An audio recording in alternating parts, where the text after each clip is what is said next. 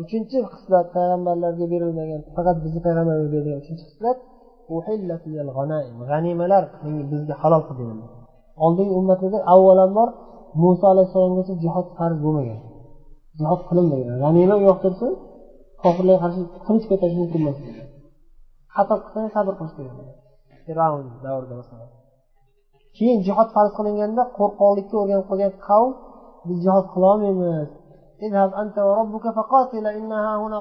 deyishdi muso qavmi yahudiylar ey muso o'zing o'zing xudoying bilan o'sha parvardigoring bilan borib fath qilib bergin fath qilganingdan keyin boramiz ishonmaymiz chunki fir'avnni zulmi ostida ular qo'rqoqlik o'rganib qolishgan edi o'shaning uchun jihod farz bo'lmadi farz bo'ldi ular gunohkor bo'lishdi itoat qilishmadi ularga jazo sifatida alloh taolo qirq yil adashtirdi o'sha qirq yil qiyinchilikda sahroda qiyinchilik hayot shiddatli hayot shijoatli hayotga o'rganishdi ichida yangi avlod chiqdi. Ular shijoatli bo'lib chiqdi. Keyin jihod farz bo'lganini amalga oshirishdi. Muso alayhissalom vafot qilib ketganlaridan keyin yusha bin nun shogirdlarini qo'lida ular jihod qilishdi faqat g'anima harom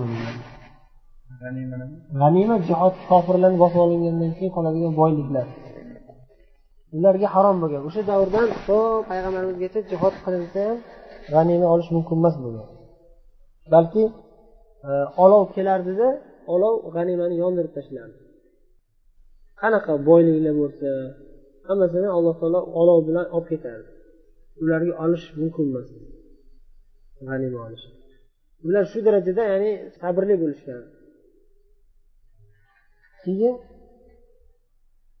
bizni ummat kelganda alloh taolo g'animani halol qilib berdi bizni ummatga ko'p shariat ahkomlar yengillatilgan ularda bir harom ish qilib qo'ysa o'zini o'zi o'ldirish kerak masalan qatl birov o'ldirib qo'ysa yoki masalan shirk ish qilib qo'ysa bizda tavba qilsa endi qatl qilsa boshqa odamga jinoyat qilganligi uchun jazo olishadi. Agar u kechirib olmasa.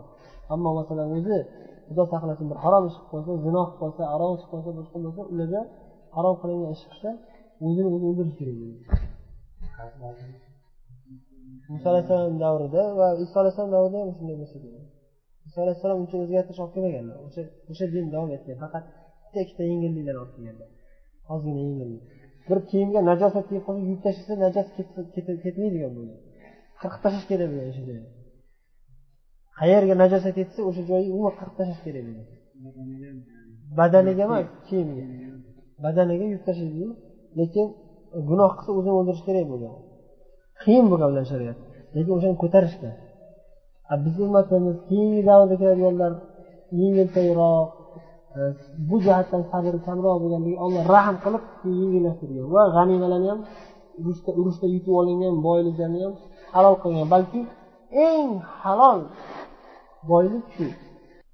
Eng halol mol kofir muharib ya'ni harbiy kofir. Islomga qarshi urushayotgan kofirni o'ldirib jihod maydonida xiyonat bilan emas jihod maydonida o'ldirish. O'shanda eng halol mol bo'ladi g'animalar biron bir oldimizdagi ummatlardan biron biriga qabul e, halol qilinmagan dedilar. To'rtinchi xislat shafoat berildi. Ya'ni shafoat qilishlik menga xos xususiyat berildiki qiyomatda hamma payg'ambarlar shafoat qilolmayman deb arzul mahshardagi odamlarga. Hamma sud qachon boshlanadi? Mahkama qachon boshlanadi? Alloh taolo ko'proq ellik ming yil qolib ketsa quyoshdagida terlab terlarga cho'kib ketishadi odamlar.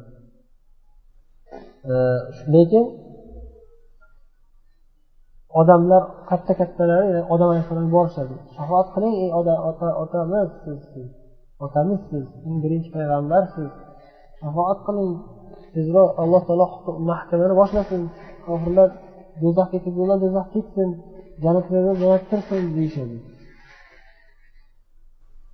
Shunda odam alayhissalom yo'q men bu narsaga sazovor emasman.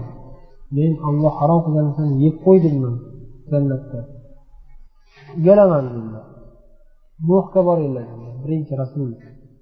Eng afzal birinchi rasullar. Nuh alayhissalom ham man olloh bitta duo qilsang albatta ijobat qilaman deb imkoniyat berganda man shoshilib ummatimni halokatini so'raganman. To'qqiz yuz ellik da'vat qilganlar islom ko'rmagandan keyin oxiri duobat qilganlarda nima qiladilar to'qqiz yuz ellik yil azob bergan ummat zolimlar. Duobat qilganlar cho'ktirib yuborgan alloh taolo o'sha duoni man qiyomatga olib qo'ysam bo'lardi ekan. Shoshilib duo qilib yuborganman degan ma'noda aytadilar uzr so'rayman. Musoga ibrohimga boringlar. Ibrohim alayhissalom man yolg'on gapirib qo'yganman yolg'on gapirmaganlar tavil qilib aytganlar man yolg'on gapirib qo'yganman xotinim xotinimni kim bu xotin deganda xotinim desa kalak aytadi. Chunki eri bo'lgandan keyin baribir rashk qiladi. Deb turib erini yo'qotib sara onamizni misr podshosi unga xato qilmoqchi bo'ladi shunda bu kim deb so'ralsa man sani xotining demayman singlim deyman. Singlisiz bo'lsa ha kuyovim qaynog'am bo'ladi deb turib sani xotin qilmoqchi bo'ladi o'zicha mani ham o'ldirmaydi. San singlim deyman. Yolg'on chiqib qolmagin mana. Mana bu akangmi kim bu? Akam dedi erim bormakin deb o'rgatadilar va bu narsani yolg'on deb hijolat qiladi alloh taolo oldida. Shunda aslida aytadilarki o'sha payt o'zi islomdagi singlim paytingdan boshqa muslimi ham yo'q o'zi. Singlim islomdagi singlim bo'lasan yomon gapirmayapsan degan tafsirda maqsadda shu maqsadda aytadi lekin baribir o'zini o'zlarini foyda xuddi o'limdan qutulish uchun o'zlarini qutqarish uchun gapirgan deb uyaladilar uni kishi ham uzr so'raydilar oxiri payg'ambarimiz keladida payg'ambar sallallohu alayhi vasallam keyin manga berilgan bu shifot borib arsh tagida sajda qilib qolib ketganlar maqtab yig'lab allohga iltijo qilib faqat maqtanglar faqat maqtanglar hech so'ramanglar qo'rqqanlar hamma payg'ambarlar titrab turgan dahshatli holat. Allohimma sallim sallim deb turishgan qiyin ahvolda faqat e, sajdada faqat allohni hamd allohga hamd sanolar allohga maqtovlar aytib e, o'sha yerda sajda qilib qolib ketadilar qancha uzoq muddat. Ila mashaalloh deganlar hadisda. Olloh biladi qancha qolib ketishimni bilmayman o'zim ham deydi nima deb duo qilishimni ham bilmayman. Qancha qolib ketishimni ham bilmayman. Nima deb duo qilish o'sha payt alloh taolo menga ilhom beradi shunaqa buyuk hamdu sanolar alloh ilhom qiladi o'sha payt aytaman. Hozir aytolmayman uni bilmayman deyman keyin alloh taolo oxiri keyin aytadiki muhammad boshingni ko'tar shafoat qilgin shafoating qabul qilinadi deydi alloh taolo. O'sha payg'ambarga xos. Keyin beshinchi وكان النبي يبعث إلى قومه خاصة وبعثت إلى الناس عامة. Oldingi payg'ambarlar o'z qavmiga yuboriladi. Ya'ni bir vaqtda bir necha payg'ambarlar bo'lardi? Bir qancha mintaqalarda bir qancha qavmlarga o'z qavmiga yuboriladi. Lekin o'sha qavmda oldingi o'tgan payg'ambarni hukmini nasx qilib keladida. Masalan muso alayhissalom qavmi banu isroil ya'ni muso alayhissalomdan keyin kelgan payg'ambar ya'ni iso alayhissalom oldingi payg'ambarni shariatini e, o'zgartirib ya'ni ba'zi bir yengilliklar kiritib keladi ya'ni shunday bo'ladiki iso alayhissalom payg'ambar bo'lib kelganlaridan keyin isoga iymon keltirmaydiganlar muso alayhissalom ummati bo'lmaydi muso alayhissalomga ham kofir bo'lgan bo'ladi. Shunday e'tiqod shunday. Hamma payg'ambarga iymon keltirish kerak. Agar biron bir musulmon odam kelib turib hozir muhammad alayhissalom ummatlaridan birontasi kelib turib man hamma payg'ambarlarga iymon keltiraman. Shu yahudlar bizni qirganligi uchun ular payg'ambarga iymon keltirmagan musoga iymon keltirmagan desa kofir bo'ladi. Kofir bo'ladi. Hamma payg'ambarga iymon keltirish kerak. Faqat o'sha o'z davridagi payg'ambarni buyrug'iga itoat qilish jihatdan shariat jihatdan o'sha itoatiga bo'ysunish shart. Oldingi payg'ambarda boshqacharoq hukm bo'lsa masalan najosat tegib qolganda aytdiki keyin qiqib tashlash kerak. Man taqvoliroq bo'laman keyin qiqib tashlayman desa bu bidat agar o'sha haromligini bilib turib qilsa u kofir bo'ladi hatto. Oldingi payg'ambarlarda masalan aytdikku masalan g'anima halol qilingan bizga. Bu ummatga halol qilingan oldingi ummatlarga harom bo'lgan. Man oldingi ummatlardek bo'laman. G'anima harom. Olmayman desa kofir bo'ladi. Olloh halol qilgan narsani harom degan bo'ladi. Lekin o'sha payt aytganda to'g'ri. Lekin yangi payg'ambar kelgandan keyin o'sha payg'ambarga itoat qilish kerak. Payg'ambarimiz kelganlaridan keyin butun koinotga payg'ambar keldilar. Insonu jinlarga oldingi payg'ambarlar o'zlari qavmlariga bo'lishadi shuning uchun aytamizki biz bilmaymiz balki xitoylardan ham payg'ambarlar chiqqan bo'lishi mumkin. Ha? Xitoylardan yaponlardan yoki braziliya taraflardan ham payg'ambarlar chiqqan bo'lishi mumkin. Lekin bizga xabar berilmagan. Qat'iy aytolmaymiz. Bitta narsani aniq bilamizki biz hamma payg'ambarga elchi yuborganmiz deb qo'ying. E, hamma ummatga hamma ummatga elchi yuborganmiz. Shu mana shundan kelib chiqadiki qayerlarda odamlar yashagan bo'lsa alloh o'shalarni bemor tashlab qo'ymagan. Alloh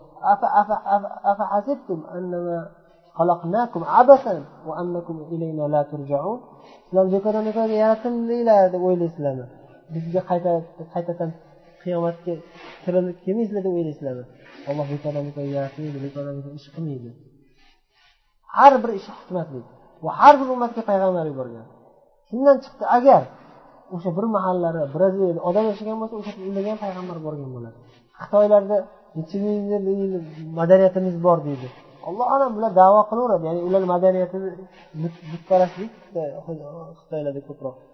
Lekin ehtimol ular bor payg'ambarni ham o'ldirishgandir. Yoki itoat qilganlar e, bir mahal bir muddat davom etib keyin yo'q qilib ularni xuddi hozirgi nasroniylar masalan injilni o'zgartirib xuddiki haqiqiy injil yo'qda hozir umuman yo'q. Yo'q qilib yuborishgan. Shunga o'xshagan bo'lishi mumkin ular ham yo'q qilib yuborgan bo'lishi mumkin. Keyingi hadisda e, bu hadisda e, demak beshta hislatlari beshta fazilatlari payg'ambarimizni boshqa fazilatlar boshqa payg'ambarlarga qaraganda. Keyingi hadisda e, aytyaptilar men javomiul kalim bilan yuborildim. Ya'ni qisqa lafz lekin chuqur ma'nolar. Bitta so'zlarni ichida ham bir qancha ma'nolar bo'ladi. Qisqa qisqa lafz aytadilar payg'ambarimiz hadislarda ham. Qur'on endi allohni kalomi lekin hadischi hadis payg'ambarimiz sallallohu alayhi vasallamni e, iboralari bilan lekin asli ma'nosi ollohdan vahiy u ham umuman o'zlarini o'zlari gapirmaydilar in huva illa vahyu yuha. Faqat olloh vahiy qilgan narsani gapiradi payg'ambar alayhi va o'shanda ham alloh taolo payg'ambarga shunday so'zlarni ilhom qiladiki qisqa so'z aytadilar chuqur ma'no. Masalan innamal a'malu binniyat. Innamal a'malu binniyat. Amallar niyatga qarab bo'ladi dedilar. Qisqagina lafz. Lekin buni buni ichida yetmishta bob bor deyishadi ulamolar. Shu hadis ichiga yetmishta bob kiradi balki dinni uchdan biri shu hadis deyishadi. Ancha qancha har bir amal niyatga qarab bo'ladi. Va qarang o'sha shu hadisni sharhida yana boshqa hadislar keltirish mumkin. Sabaqa dirhamu alf dirham boyagi aytgan e, yig'ilishimizni aytgan masala. Bir dirham qiladi bir odamdan sadaqa qiladi yuz ming dirhamdan afzal bo'ladi. Nega? Niyat. Niyat xolis bo'lsa buyuk bo'ladi. Niyat buzuq bo'lsa qancha amal qilsa ham befoyda bo'lib qoladi. Yana masalan amal niyat degan hadis ichiga kiradigan narsalardan mana shu choy bismillah deb ichsangiz shu choyni ichishimdan maqsadi masalan tomog'imni ho'llab yaxshiroq mag'za qilay xudo uchun xolis niyat qilsam savob bo'ladi. Choy ichganim uchun agar niyat niyat qilmasam bir tiyin savob bo'lmaydi uxlash niyat bo'lsa savob bo'ladi. Niyat bo'lmasa xudo uchun niyat bo'lmasa savob bo'lmaydi. Har bir ishda niyat bo'lsa o'ziga foyda shu hadisni ma'nolaridan ya'ni qisqa gapirarlar chuqur chuqur ma'nolar ustida bo'ladi. Boshqa misollar ham keltirish mumkin. Darsimiz cho'zilib ketmasin haligi hadis takror yani dushmandek qo'rquv tashlab qo'yiladi payg'ambarimizdan. Va o'zidan o'zi qo'rqqandan taslim bo'ladi. Shuning uchun payg'ambarimiz g'azotlarini aksariyatida jang bo'lmagan. Man yoshligimizda siyrat nabaviy o'qiganimizda masalan hujrada hayron bo'lardim faqat jang nimaga g'azot deb nomlanadi? Nimaga jang deb g'azo deb nomlanadi? Hech qanaqa urush bo'lmaganku deb man hayron bo'lardimda. Endi yoshligimiz aqlimiz uncha tushunmagan paytlari o'zi hozir ham shunaqayu. Aksar g'azotlarga qarasangiz g'azvat zat salasil g'azvat e, masalan ushayra aksar payg'ambarimiz g'azotlari nechidir soni saksontamidi qancha hozir esimdan chiqib qoldi? Juda ko'p g'azotlar bo'lgan. Doim har oyda yo sariya yuboradilar yo o'zlari g'azotga chiqaradilar. Sariya bitta sahobiyni tanlab tursan amirsan bir gruppa sahobiy bilan jangga yuboradilar. Borib falonchi qabilani tinchitib kelinglar yoki falonchi karvonni bosib kelinglar doim odam yuboradilar. Lekin aksarisi jang bo'lmagan. Nimaga? Bu alloh taolo bir jihatdan ya'ni payg'ambar alayhi vasallam qon to'kmasliklariga alloh taolo uncha muncha qon ya'ni payg'ambar alayhi vasallam biron bir bir tomchi qonni ham nohaq to'kmaganlar shuning uchun juda ham kamdan kam odam o'ldirilgan. Juda ham kamdan kam. Abu jahl abu lahabga o'xshagan tug'yonga ketganlar o'ldirilgan. Begunohlar o'ldirilmagan. Va hatto bitta ayol janglardan birida bitta ayol o'ldirilganini ko'rib qancha g'azablanganlar. Qancha jahllari chiqqan. Nima qilardi shu ayol? Nima zarar keltirardi? Kim o'ldirdi buni deb jahl qilganlar. Endi u jang orasida o'ldirib ketib qolgan. Qasddan o'ldirilmagan o'zi. Ya'ni ayollar qariyalar yosh bolalar o'ldirilmasin deb qat'iy turadilar himoya qiladilar insonlar kofir bo'lsa ham bir tomchi qon to'kilishi nohaq to'kilishi xohlamasdilar. Lekin aksar e, aksar janglarda umuman urush bo'lmasligi bo'lmasligini sabablaridan biri qo'rquvdan ular o'zi taslim bo'ladi. O'zi qo'rqardi. Payg'ambarni askarlari kelyapti muhammadni askarlari kelyapti. Urushmay qo'yaveringlar tinch shuning uchun herakl aytgan. Payg'ambarimiz o'lib ketganlaridan keyin qarang payg'ambarimizga bo'lgan alloh taoloning haligi e, haybati alloh taolo bergan haybat payg'ambarimiz o'lib ketganlaridan keyin. Hozirgacha bor. Hozirgacha xuddi shu qo'rquv kofirlarda bor. Musulmonlarda hech qanaqa zaif musulmonlar zaif bo'lsa ham hech qanaqa quvvat bo'lmasa ham qanchalik qo'rqyapti masalan lekin payg'ambar qarang biz misol. Payg'ambar o'lib ketdilar. Abu bakr roziyallohu anhu davrida jihod kengaya boshladi fors diyorlariga e, shom rum mamlakatiga hujum boshlandi. Chunki ularga qarshi urush maqsadi emas islom nurini yetkazish. O'sha yerdagi odamlar o'lib ketsa do'zaxiy bo'lib ketadi mushrik bo'lib ketadi. Payg'ambarni eshitib islom kirolmayapti. Nimaga? Diktator hukumat imperatorlar qaytarib turibdi islomga islomdan. Ularni qutqarish kerak bu yo'ldan bu qullikdan.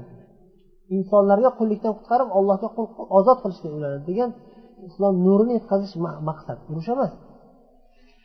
Shunda abu bakr roziyallohu anhu bir necha ming askar o'n ming o'n besh ming askar shomga qarab ketyapti. Holid valid boshchiligida. Urush bo'ladigan. Ularda to'rt yuz ming askar bor. Rum askarlar to'rt yuz ming herakl aytdiki o'zini generallariga ey ko'zinglarni ochinglar. Bular haqiqiy payg'ambarni atbolari bular. Payg'ambarni ergashgan mo'min odamlar bular aqidasi bilan e'tiqodi bilan urushyapti bularni yengish oson emas. Yaxshisi shu mamlakatimizni yarmini beraylikda sulh qilaylik. Biz bilan urushmay qo'yaveringlar iltimos shu bizni mana bu masjid shu chegaradan bu yoqqa o'tmanglar deb turib o'sha shomni beraylik falastin hozirgi hozirgi atamalar bo'yicha falastin iordaniya livan suriyalar shom deyiladi. Ana shularni beraylik shu arablar yashaydi o'sha yerda ko'proq.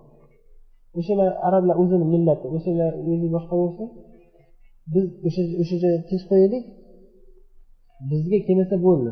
Shunga sulh qilaylik deydi herakl san qo'rqoq ekansan qanaqa imperator bo'lding urushda generallar. To'rt yuz ming askarimiz bo'lsa urushadigani bu hali rim markazida poytaxtda turgan askarlar emas. U maydonda urushishga tayyor askarlari to'rt yuz ming qanday qilib o'ttiz ming yoki yigirma ming askardan qo'rqamiz? Dabdalasini chiqarib ularni adabini berib qo'yamiz bular sahroda e, sahroda tuya boqib yurgan qo'y boqib yurgan e, badaviylar kelibdi bizga qo'l ko'tarib qoldimi? Bir ko'rsatib qo'yaylik bularga deb maqtanishadi to'rt yuz ming askar kelib hammasi asrga tushib sharmandasi chiqib xor bo'lib nafaqat shom balki u yog'iga ham islom mamlakati kengayib ketadi. Shunda hiraqlga sizlarga aytilganmidim? Gapni yo'qroq qilmagan dedi. Endi o'zinglar ko'ringlar o'shaning uchun e, payg'ambar alayhi vasallamga alloh taolo shunday haybat bergan. Keyin yana bashorat berib aytyaptilarki shu hadisda. Men uxlab yotganimda tushimda alloh taolo menga bir tush ko'rsatdi. Yer xazinalarining kalitlari menga berildi. Yer yer boyliklari. Qo'limni ushlatib qo'ydi keyin abu hurayra aytadi payg'ambarimiz o'sha tobiinlarga qarab aytyaptilar. Shogirdlarga qarab abu hurayra aytyaptilar. Payg'ambarimizku vafot etib ketdilar lekin o'sha kalit sizlarni qo'linglarda qoldi mana payg'ambarimiz o'sha kalitlarga tashlab ketdilar deyaptilar ya'ni boshqa bu bu yerda qisqacha keltirilibdi boshqa hadisda tafsilotini aytganlar ولقد أعطيت الكنزين الأحمر والأحمر والأبيض Э, yana boshqa hadisda foris va rum diyorlari ham hammasi bizga berildi deganlar o'shalar fath bo'ladi deganlar.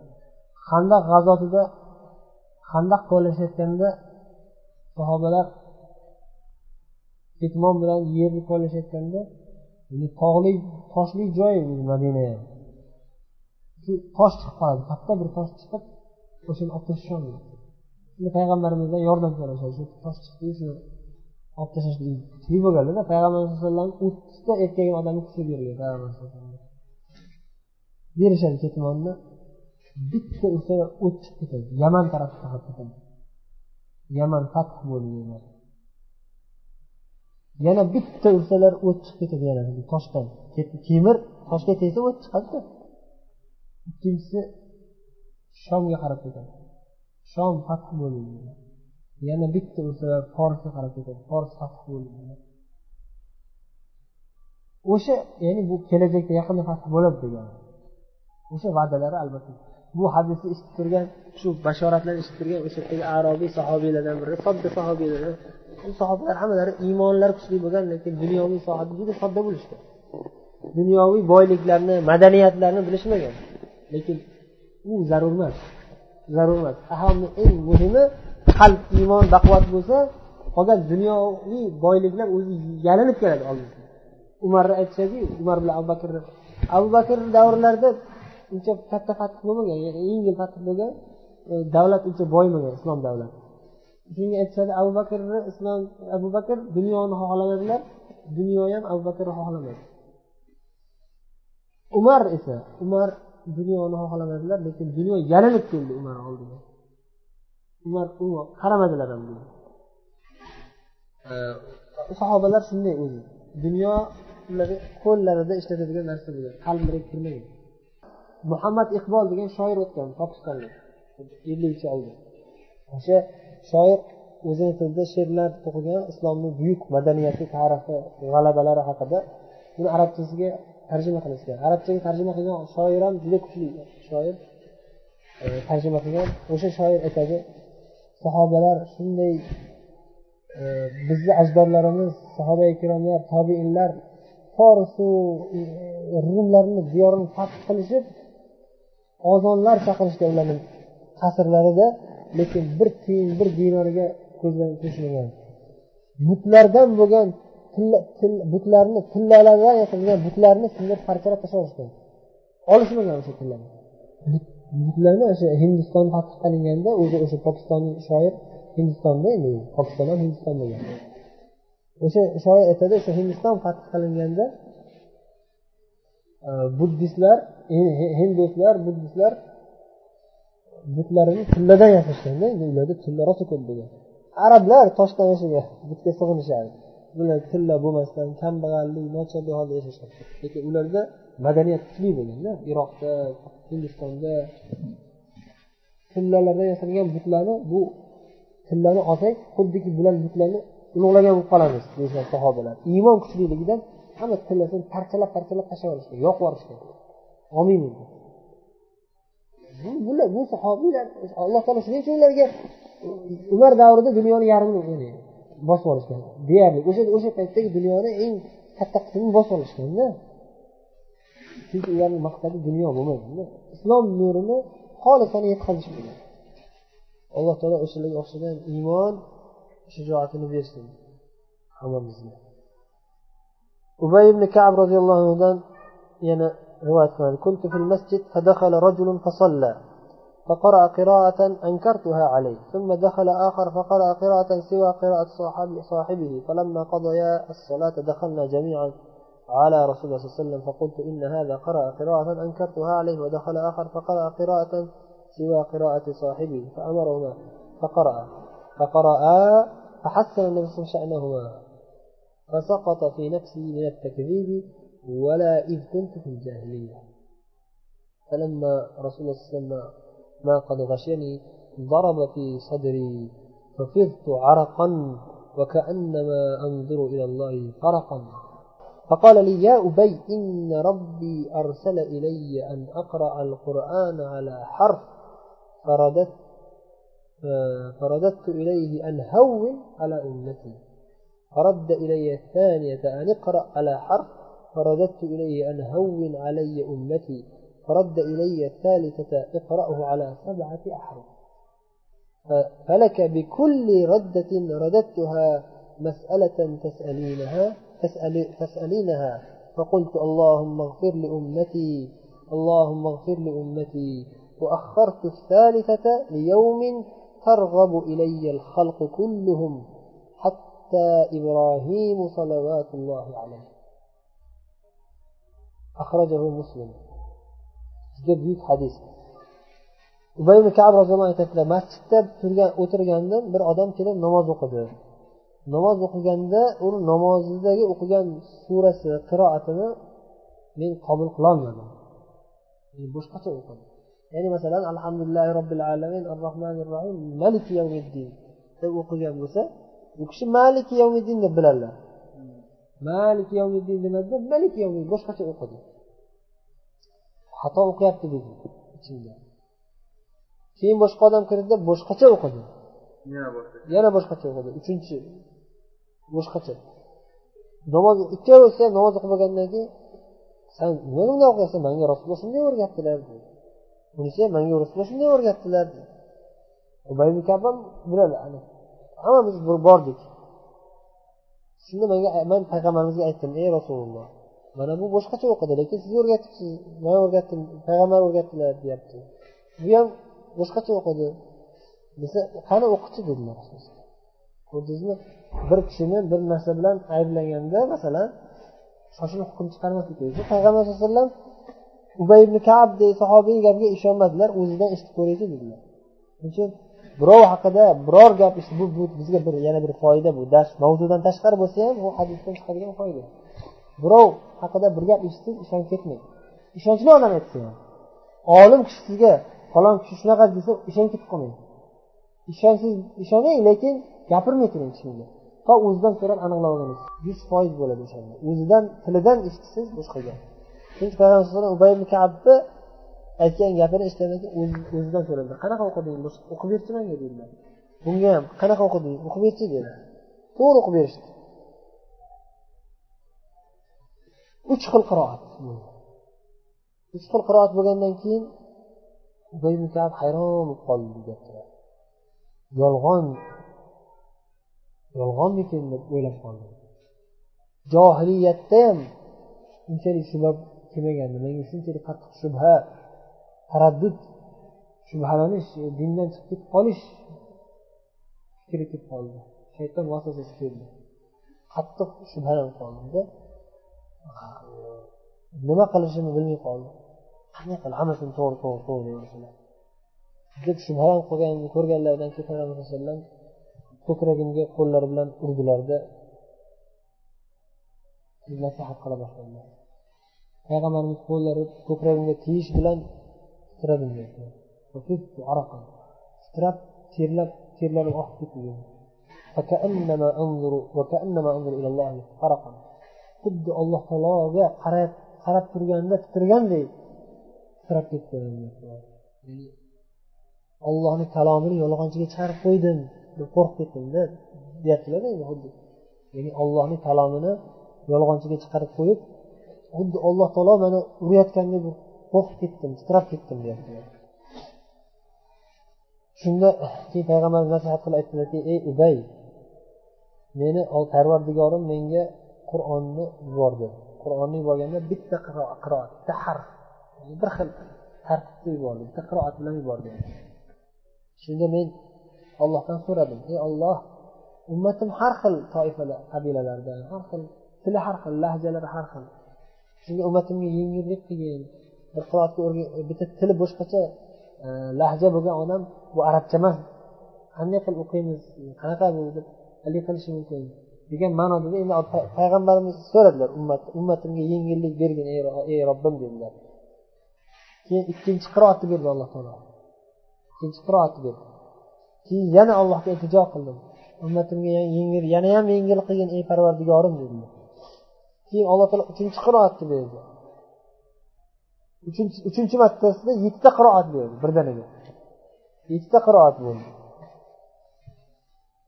uch marta so'radilarda uch marta birinchi martasida bitta qiroat edi. Ikkita qiroat bo'luvdi ikkinchisida uchta qiroat bo'luvdi uchinchisida yettita qilib yubordi alloh taolo. Birdaniga yettita berdida keyin uch marta so'raganliklari uchun aytdiki san mendan uch marta so'rading. Uch marta so'raganingga senga uchta duo beraman. Uchta narsa so'ragin dedi. Nima so'rasang ijobat qilaman. Alloh taolo payg'ambarimiz sallallohu alayhi vasallamga rahm qildi. Ya'ni rahm qilganliklariga rahm qildi. Nima uchun payg'ambarimiz alloh taolodan qayta qayta so'radilar?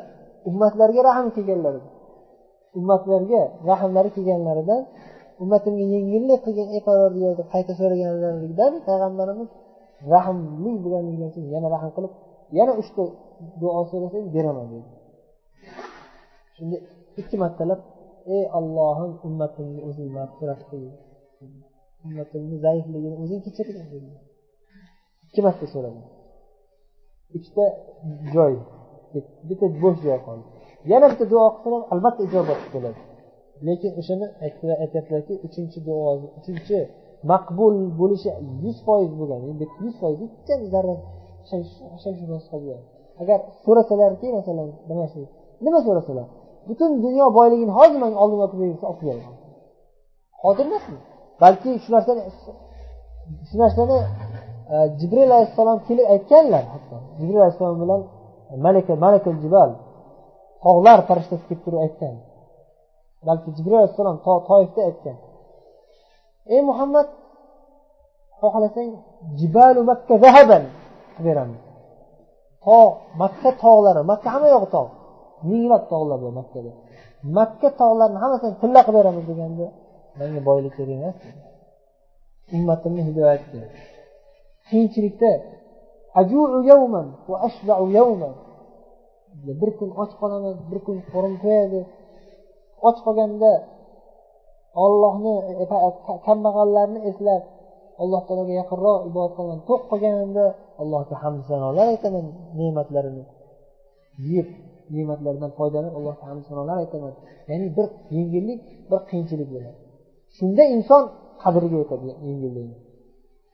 Alloh ne'matini doim yengillik bo'laversa bo'laversa bo'laversa qadriga yetmaydi. Oldingdan oqqan suvni qadri yo'q degandek bor narsa bu. Islomda. Ya'ni bir qiyinchilik bo'ladi bir yengillik bo'ladi. Payg'ambar yo'q dedilar. Hamma yoq tilla bo'lib ketsa qadriga yetmay qolishadi odamlar dinni. Din qiyinchiligi bilan xizmat qilish bilan keyin haligi imom shofiy aytganlaridek la yumakkan hatto tamkini imkoniyatlar yaratib berilmaydi to musibatlardan o'tmagunizcha qiyinchilikdan o'tmagunizcha shuning uchun uchinchisi e, o'sha o'sha tillalarni xohlamadilar o'sha uchinchi duoni aytyaptilarki eng asosiy kunga qoldirdim deyaptilar bu dunyoni so'rasam beraveradi lekin bu dunyo aham ish emas. Bu dunyoda bu dunyodagi narsalarni ham e, oldingisi ham bu dunyoni ishi emas edi. Ollohim ummatimni mag'firat qilgin dedilar. Gunohlarni kechiring bu dunyoni ishi emas edi. Oxirat ishi edi o'shanda ham oxiratda o'yladilar uchinchisida oxirat ishini oxirat kuni so'rayman dedilar. O'sha shafoat